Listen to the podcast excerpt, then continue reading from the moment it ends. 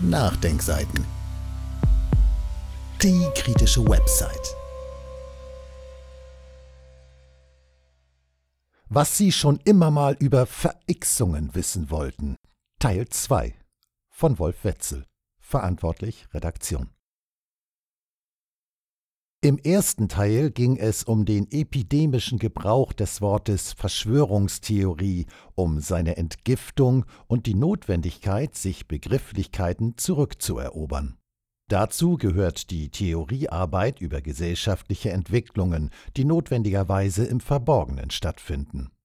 Aber auch um die Fiktion, um die Simulation einer gesellschaftlichen Wirklichkeit in Gestalt von Verschwörungsideologien. Die bekannteste ist die antisemitische. Der ideelle Gesamtkapitalist. Zur Marxischen Wirtschaftstheorie gehört auch der Versuch, die Rolle des Staates zu bestimmen, seine ökonomischen und politischen Funktionen herauszuarbeiten. Deshalb ist sie zugleich Staats- und Gesellschaftstheorie. Sobald sich die Massen bewusst werden, dass kapitalistische Gesellschaften Klassengesellschaften sind, kommt es notwendigerweise zu Klassenkämpfen. Auf welcher Seite, fragt Marx, steht in diesen Kämpfen der Staat? In bürgerlichen Wirtschaftstheorien ergreift der Staat nicht Partei, sondern agiert wie ein Moderator oder Mediator. Er ist neutral und verkörpert das Gemeinwohl, das er, wenn nötig, auch mit Gewalt durchsetzen darf, zum Wohl aller. Es dürfte nicht verwundern, dass Karl Marx diese Staatstheorie nicht teilt und in ihr alles, nur nicht Vaterstaat sieht. Marx sieht den Staat nicht in Äquidistanz zu den aufeinanderprallenden Interessengegensätzen, sondern in seiner Funktion als ideellen Gesamtkapitalisten. Nun werden einige sofort einwenden, den habe ich noch nicht gesehen, den gibt es doch gar nicht. Und in der Tat, es geht um eine theoretische Annahme, um eine notwendige Abstraktion, im besten Fall um eine gelungene Reduktion sehr komplexer Verhältnisse. Tatsächlich gibt es den ideellen Gesamtkapitalisten nicht. Auf den können sich nicht einmal die Kapitalisten verständigen. Denn sie sind in erster Linie Konkurrenten. Der Staat, so Marx, handelt aber genau so, als wäre er ein solcher. Das heißt, im Gegensatz zur bürgerlichen Staatstheorie vertritt er nicht alle Interessen, auch nicht alle, sondern vor allem zentrale kapitalistische Anliegen. Aber, und das beinhaltet dieser Begriff auch, er ist eben nicht der Gesamtkapitalist, also die natürliche Summe aller nationalen Einzelkapitale. Zu den Aufgaben eines ideellen Gesamtkapitalisten gehört auch, eine werthaltige, eine langfristige Strategie zu verfolgen, die sich gegebenenfalls auch gegen mächtige Einzelkapitale richten kann. Als Beispiel kann man sicherlich den langfristigen Ausstieg aus der Atomenergie anführen. Aber ein auf Transformationsprozesse konfigurierter Staat muss auch ein ideeller Gesamtkapitalist sein, wenn es um strafrechtliche Regeln zwischen den konkurrierenden Kapitalisten und um Regeln zwischen Kapital und Lohnarbeit geht. Das heißt, ein in dieser Weise beschriebener Staat muss ständig inner- und zwischengesellschaftliche Kräfteverhältnisse neu justieren und in seinem Tun abbilden. Ganz allgemein gesagt, was legal ist, was illegal ist, was erlaubt und was sanktioniert wird, beschreibt eine ganz zentrale Rolle des Staates, die ständige Herstellung eines Rechtsfriedens. Dabei geht es auch um die Aufrechterhaltung kapitalistischer Verhältnisse, aber eben nicht nur. Er muss Vertrauen generieren, er muss für Legitimation dieser Ordnung sorgen, er muss dafür sorgen, dass es das Gefühl von Gerechtigkeit noch gibt, dass ein drohender Verlust austariert wird. Was Recht ist, was als Recht empfunden wird, ist also eine zentrale Quelle staatlicher Legitimation. Von daher hilft es wenig weiter, den Staat als solchen für kriminell zu erklären oder ganz allgemein den Kapitalismus als kriminelles Wirtschaftssystem zu markieren. Es geht vielmehr darum, dieses Spannungsfeld auszuleuchten, das Dilemma genau zu diagnostizieren, indem sich die staatstragenden Personen und Institutionen bewegen müssen, solange es eben nicht nur der Staat des einen Prozents sein soll. Ich möchte dieses produktive Dilemma an einem konkreten Beispiel durchgehen. Der Druck durch die Bevölkerung, durch Wahlen war offensichtlich groß genug, um strengere Abgaswerte für Autos durchzusetzen. Es kam zu einer Verschärfung der Abgaswerte auch in der EU. Tatsächlich konnten und wollten die deutschen Autokonzerne diese Abgasnormen nicht erfüllen.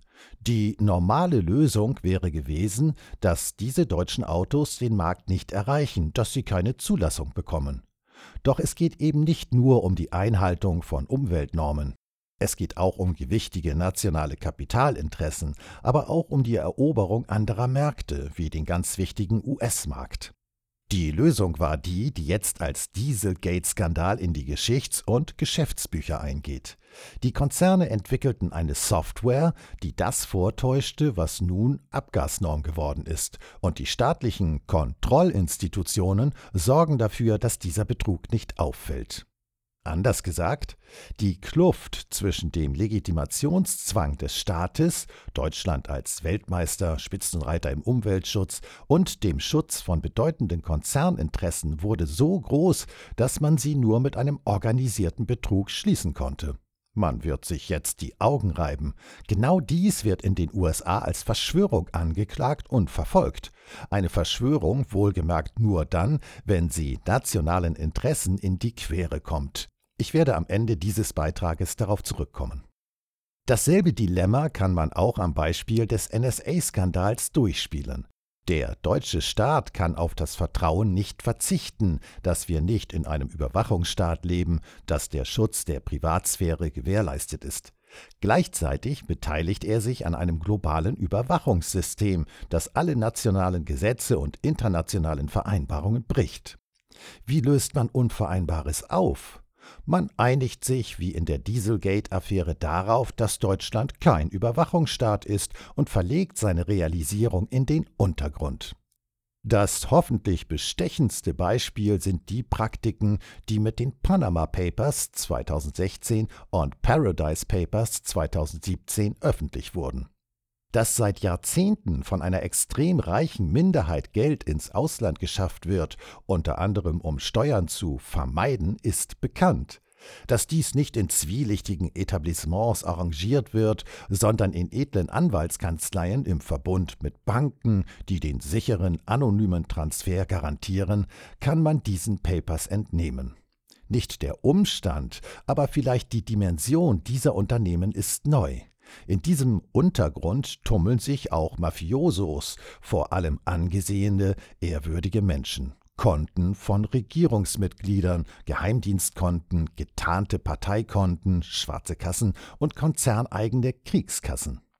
Es geht bei all dem nicht um Peanuts, sondern um Millionen und Milliarden. Dass die Wege, Tricks und Schlupflöcher seit Jahrzehnten bekannt sind, ist auch keine wirkliche Sensation. Dass die Schlupflöcher und Gesetzeslücken von staatlicher Seite angelegt und offen gehalten werden, mutet hingegen auf den ersten Blick grotesk an. Schließlich entgehen dem Staat auf diese Weise Milliarden an Steuereinnahmen. Warum agiert der Staat gegen seine eigenen finanziellen Grundlagen, die in Friedenszeiten aus Steuereinnahmen bestehen? Nirgendwo zeigt sich deutlicher, dass der Staat als ideeller Gesamtkapitalist agiert. In der Tat gehen ihm jährlich Milliarden an Steuereinnahmen flöten, wenn man ihn als unabhängiges Unternehmen begreift. Begreift man ihn hingegen nach der Marxen Definition, dann wird dieser Verlust an Steuereinnahmen mit den Gewinnen gegengerechnet, die Unternehmen zur Stärkung ihrer Marktmacht einsetzen können. Diese Staat-im-Staat-Aktivitäten sind keine Neuerfindung. Aber, und das ist die These, die die Veränderungen der letzten 10, 20 Jahre zu fassen versucht, je größer der Legitimationsschwund des Staates wird, und dieser wird allenthalben konstatiert, desto mehr staatliche und staatlich geschützte Interessen werden in den Untergrund verlegt. Als aktuelles Beispiel kann man hier die TTIP-Verhandlungen nennen, deren Verhandlungsdetails geheim sind, bis hin zu einer geheimen Gerichtsbarkeit, die Streit zwischen Konzernen und Staaten verhandeln soll. Geradezu notwendig steigt der Ausstoß an Verschleierungsstrategien, was unter anderem den inflationären Gebrauch des Wortes Verschwörungstheorie erklärt. Wir werden im Laufe der Untersuchung auf einige wichtige Worte, Begriffe stoßen, deren Wortsinn auf den Kopf gestellt wurde. Geheime Gerichtsbarkeit, TTIP, humanitäre Intervention, Freisetzung von Arbeitskräften. Dieses Entern der Sprache hat George Orwell in seinem düsternen Zukunftsroman 1984 sehr eindrucksvoll beschrieben. Krieg ist Frieden, verkündet das Regime auf allen Kanälen, Leinwänden und Hausmauern. Was eigentlich antagonistisch und versöhnlich ist, wird linear, zynisch könnte man sagen, progressiv linear. Der Krieg ist die höchste Form, die Vollendung des Friedens. Verschwörungen können private, eigennützige, politische, ökonomische und herrschaftssichernde Gründe haben. Guy Fawkes, der in der heutigen Protestbewegung einen guten Namen hat, gehörte zu einer Gruppe von Verschwörern im 17. Jahrhundert. Er hatte sein Vorhaben nicht im Parlament vorgetragen oder auf den Straßen Londons angekündigt, sondern im Geheimen geplant und vorbereitet. Die Absicht, mit viel Sprengstoff den englischen König Jacob I und das englische Parlament in die Luft zu jagen, scheiterte an einem Verrat. Dieses Vorhaben bekam den Namen Pulververschwörung, Gunpowder Plot. Verschwörungen, also verdeckte konspirative Strukturen, können auch staatliche Parallelstrukturen sein, die bestimmte Entscheidungen an politischen, parlamentarischen und juristischen Hürden, Institutionen vorbeischleusen. Gladio, eine Geheimarmee. Unter hochkonspirativen Umständen und unter Ausschaltung aller parlamentarischen Kontrollgremien wurden ab den 1950er Jahren in vielen Ländern Westeuropas unter Führung der NATO-Faschisten und neonazistische Gruppen angeworben und bewaffnet in Deutschland war damit die Organisation Gehlen beauftragt, Vorläufer des Bundesnachrichtendienstes BND, geführt von zahlreichen ehemaligen SS, NSDAP und Gestapo-Mitgliedern. Das auf NATO-Ebene angesiedelte Programm, Faschisten wieder zu bewaffnen, hatte eine gemeinsame ideologische Grundlage, die Faschisten und Demokraten erneut zusammenschweißte: die kommunistische Rote Gefahr. Im Fall einer sowjetischen Invasion sollten Faschisten als irreguläre Truppen hinter den feindlichen Linien Aufklärung betreiben und Sabotageaktionen durchführen. Aufgrund dieser Aufgabe erhielt dieses staatsterroristische Programm den Namen Stay Behind. Dazu zählte auch das Ausschalten von Kollaborateuren, die man in Deutschland in der aufkommenden Friedensbewegung bis hinein in linke SPD-Kreise vermutete. Doch der Tag X, die militärische Invasion der Sowjetarmee, blieb aus. Als in den 1960er und 1970er Jahren die außerparlamentarische Opposition wuchs, sich europaweit die politischen Kräfteverhältnisse nach links verschoben, veränderte sich der operative Auftrag dieses staatlich lizenzierten Terrorismus. Der Feind wurde nicht mehr außen, sondern im Innern verortet. An die Stelle der bösen roten Sowjetmacht traten linke kommunistische Parteien und militante Strömungen außerhalb des parlamentarischen Parteienspektrums.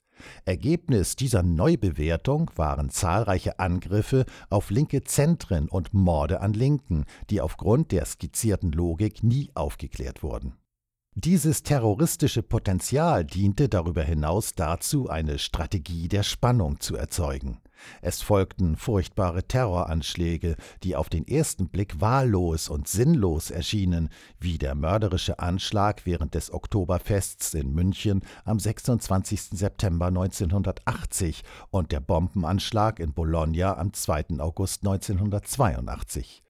Diese sollten ein Klima der Angst herbeiführen, in dem die Bevölkerung bereit ist, weitere Einschränkungen ihrer Freiheits- und Schutzrechte hinzunehmen, bis zur Ausrufung des Staatsnotstandes.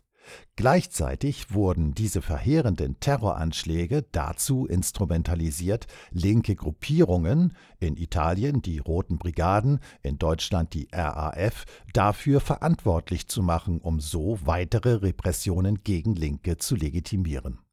Im Prinzip ging es darum, militante Gruppen der Linken, die parlamentarisch nicht mehr einzuhegen waren, mit extralegalem Terror zu bekämpfen und auszuschalten. Die Symbiose aus neofaschistischen Kadern, militärischen Führungsstäben und Geheimdiensten erhielt in Italien den Namen Gladio. Die daran beteiligten Regierungen schufen auf diese Weise neben dem existierenden staatlichen Gewaltapparat eine parallele Terrorstruktur, mit der sie hinter den legalen Linien bzw. Grenzziehungen operierten All das hier knapp skizzierte war über 30 Jahre ein gut gehütetes Staatsgeheimnis. Wer etwas in diese Richtung behauptete, wurde als Spinner oder Verschwörungstheoretiker abgestempelt. Nachdem die ersten Dokumente, unter anderem durch die hervorragende Arbeit von Dr. Daniele Ganser in der Schweiz, öffentlich zugänglich gemacht wurden, konnte niemand mehr diese staatsterroristischen Aktivitäten leugnen. Im April 2013 erklärte Staatsminister Eckhard von Kläden, CDU, im Namen der damaligen Bundesregierung, Zitat, Infolge der weltpolitischen Veränderungen hat der Bundesnachrichtendienst in Abstimmung mit seinen alliierten Partnern zum Ende des dritten Quartals 1991 die Stay-Behind-Organisation vollständig aufgelöst.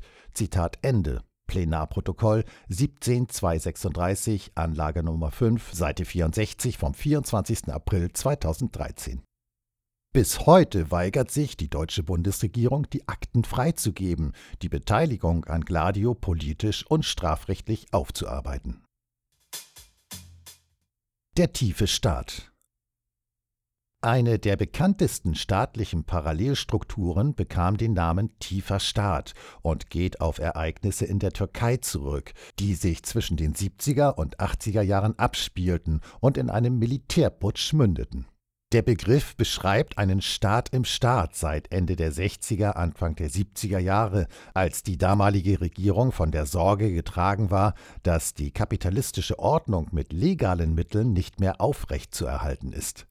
Damals besaß nicht nur eine starke und breit verankerte Linke einen großen Einfluss auf den Fortgang der Geschichte, auch die kurdische Bewegung organisierte sich und hatte zunehmenden Einfluss. Ohne die Verfassung ganz aufzuheben, ohne das parlamentarische System zu suspendieren, sollten Institutionen und Wege etabliert werden, die staatsterroristische Aktionen billigten und deckten. Dazu bediente man sich sowohl der faschistischen Kräfte MHP Partei der Nationalen Bewegung Graue Wölfe als auch besonderer militärischer Einheiten, die für operative Ziele eingesetzt wurden. Diese Koalition aus verlässlichen Militärs und Geheimdienstsektoren aus Faschisten und Regierungspartei bildete den Staat im Staat, der über viele Jahre für die außerparlamentarische Opposition eine Mutmaßung, ein kaum belegbarer Verdacht bleiben musste. Tatsächlich mündete diese Strategie 1980 in einen Militärputsch. Aber auch mit dem Rückzug der Militärs änderte sich an der Existenz dieses Staats im Staatgebildes wenig. Der politische Apparat knüpfte vielmehr dort an, wo er aufgehört hatte. In diesem Kontext kam es zu einem illustren Autounfall, dessen Details und Folgen für einen Agententhriller zu plump, für eine Verschwörungsfantasie zu einfältig gewesen wären, der sich im wirklichen Leben aber genau so abgespielt hatte. 1996 ereignete sich in der Türkei ein schwerer und tödlicher Autounfall. Nichts Ungewöhnliches, wenn man die Insassen außen vor lässt. Im besagten Auto saßen der stellvertretende Polizeichef von Istanbul, ein Aktivist der Grauen Wölfe und dessen Frau sowie ein Abgeordneter der ehemaligen Regierungspartei DYP. Ein folgender Untersuchungsbericht stellte fest, dass die Grauen Wölfe im Vorfeld des Militärputsches systematisch vom Staat als Stoßtrupp gegen Linke benutzt wurden Seit den 90er Jahren richtete sich der tiefe Staat zudem gegen den zunehmenden Einfluss der islamisch geprägten Wohlfahrtspartei von Necmettin Erbakan, Ministerpräsident 1996-97 und der seit 2002 regierenden AKP, Partei für Gerechtigkeit und Fortschritt von Recep Tayyip Erdogan. Diese Parteien brachen, zunächst gemeinsam mit dem Netzwerk des von den USA auswirkenden islamischen Predigers Fethullah Gülen, die jahrzehntelange Vorherrschaft der kemalistischen Klasse. Der firmeneigene Untergrund Strukturen von Verschwörungen gibt es auch im Wirtschaftssektor als Bestandteil einer Konzernpolitik. Die in den letzten Jahren bekannt gewordenen Skandale bei der Deutschen Bank, der Commerzbank, bei Siemens oder dem VW-Konzern sind alles andere als Verfehlungen Einzelner, sondern Beispiele für verdeckte Strukturen, die gegenüber der Konkurrenz, gegenüber der Öffentlichkeit und staatlichen Aufsichtsstellen abgeschottet und gegebenenfalls geleugnet werden. Naheliegend, dass man nur ganz selten Einblick in solche untergründigen Strukturen bekommt, die von staatlichen Institutionen und Konzernen gleichermaßen angelegt, genutzt und geschützt werden. Die 2016 öffentlich gemachten Panama Papers sind eine solche hervorragende Quelle. Es handelt sich hierbei um Geschäftsunterlagen einer Rechtsanwaltskanzlei mit dem Namen Mossack Fonseca mit Sitz in Panama. Insgesamt wurden 11,5 Millionen Dokumente und 214.488 Briefkastenfirmen geleakt, die rund 14.000 natürliche Personen tarnen sollten. Auch wenn dies vor allem als eine Form der Steuervermeidung, Hinterziehung skandalisiert wird, ist dieser Straftatbestand eher zweitrangig.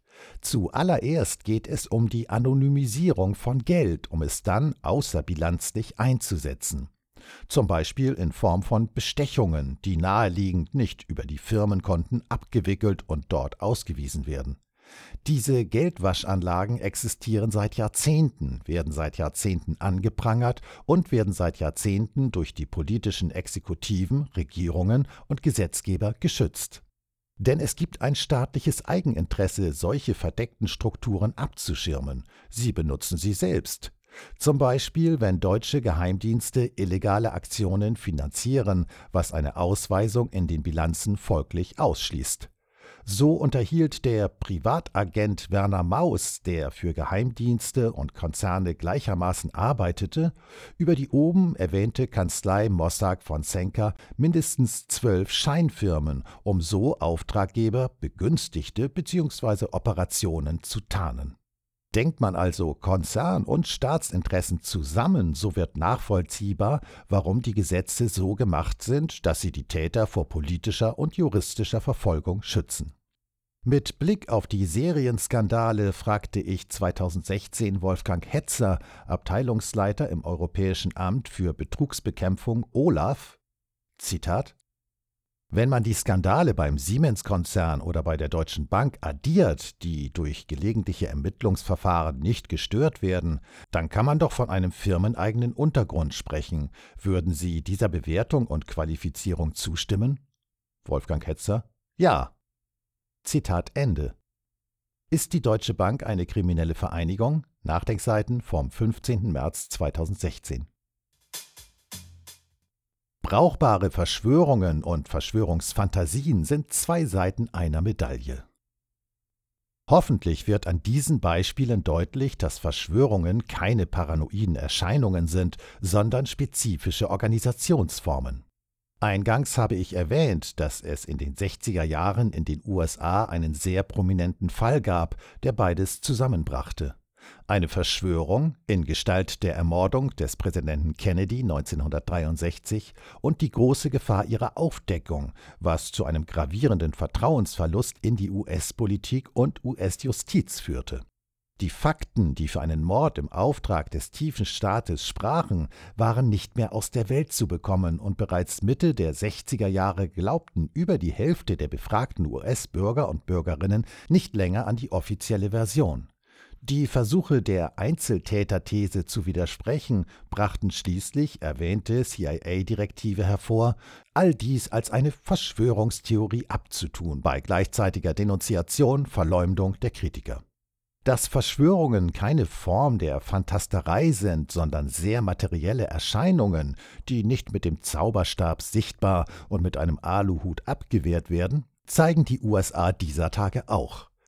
Es geht dort um die juristische Aufarbeitung der VW Dieselgate-Affäre. Es lohnt sich daran zu erinnern, dass Monate und Jahre lang die VW-Führung ihr knallhart geführtes Unternehmen, was den Einbau manipulativer Abgasvorrichtungen angeht, in einen Haufen autonomer Zellen verwandelt hat, die alle ihr eigenes Ding drehten.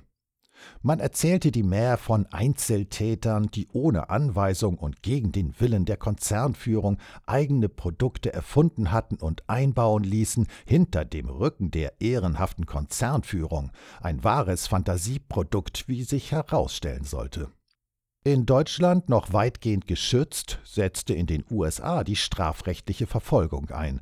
Der Vorwurf lautete Verschwörung zum Betrug und Verstoßes gegen Umweltgesetze. Verschwörung. Es gibt sie also doch, wenn es nicht die eigene ist. Der dort angeklagte VW-Manager Oliver Schmidt wurde Ende dieses Jahres zu sieben Jahren Haft verurteilt. Zitat der 48-jährige Deutsche hatte seine Mittäterschaft beim Dieselgate-Skandal zunächst abgestritten. Im August bekannte er sich jedoch schuldig und ging einen Deal mit der Staatsanwaltschaft ein. Dadurch wurden mehrere Anklagepunkte gestrichen. Zitat Ende, ZDF.de vom 6. Dezember 2017. Trauriges Fazit. Was vor 20 oder 30 Jahren nichts anderes war als eine Staatskritik bzw. Analyse, die auch eine Theorie der politischen Ökonomie einschließt, wird heute als Verschwörungstheorie auf dem Scheiterhaufen der linken Geschichte verbrannt. Eine solche Staatsanalyse, die eben auch die Phänomene eines tiefen Staates ausloten und qualifizieren muss, kann falsch oder brüchig sein, aber genau dies zu unternehmen ist essentieller Bestandteil einer Linken, die mehr als ein Teil der Mitte sein will. Eine Linke, die den Staat nicht als zukünftig politische Heimat schützt, sondern als ideellen Gesamtkapitalisten begreift, wird ohne eine Staatsanalyse nicht auskommen, die zwischen der Ideologie vom Gemeinwesen und der Wirklichkeit als ideellen Gesamtkapitalisten eine brauchbare Skizze entwirft. Wolf Wetzel, Autor des Buches Der Rechtsstaat im Untergrund, Big Brother, der NSU-Komplex und notwendige Illoyalität. Papirossa Verlag, Köln 2015. PS Fast hätte ich vergessen, das Quiz vom ersten Teil aufzulösen. Alle fünf Fragen sind mit Ja zu beantworten.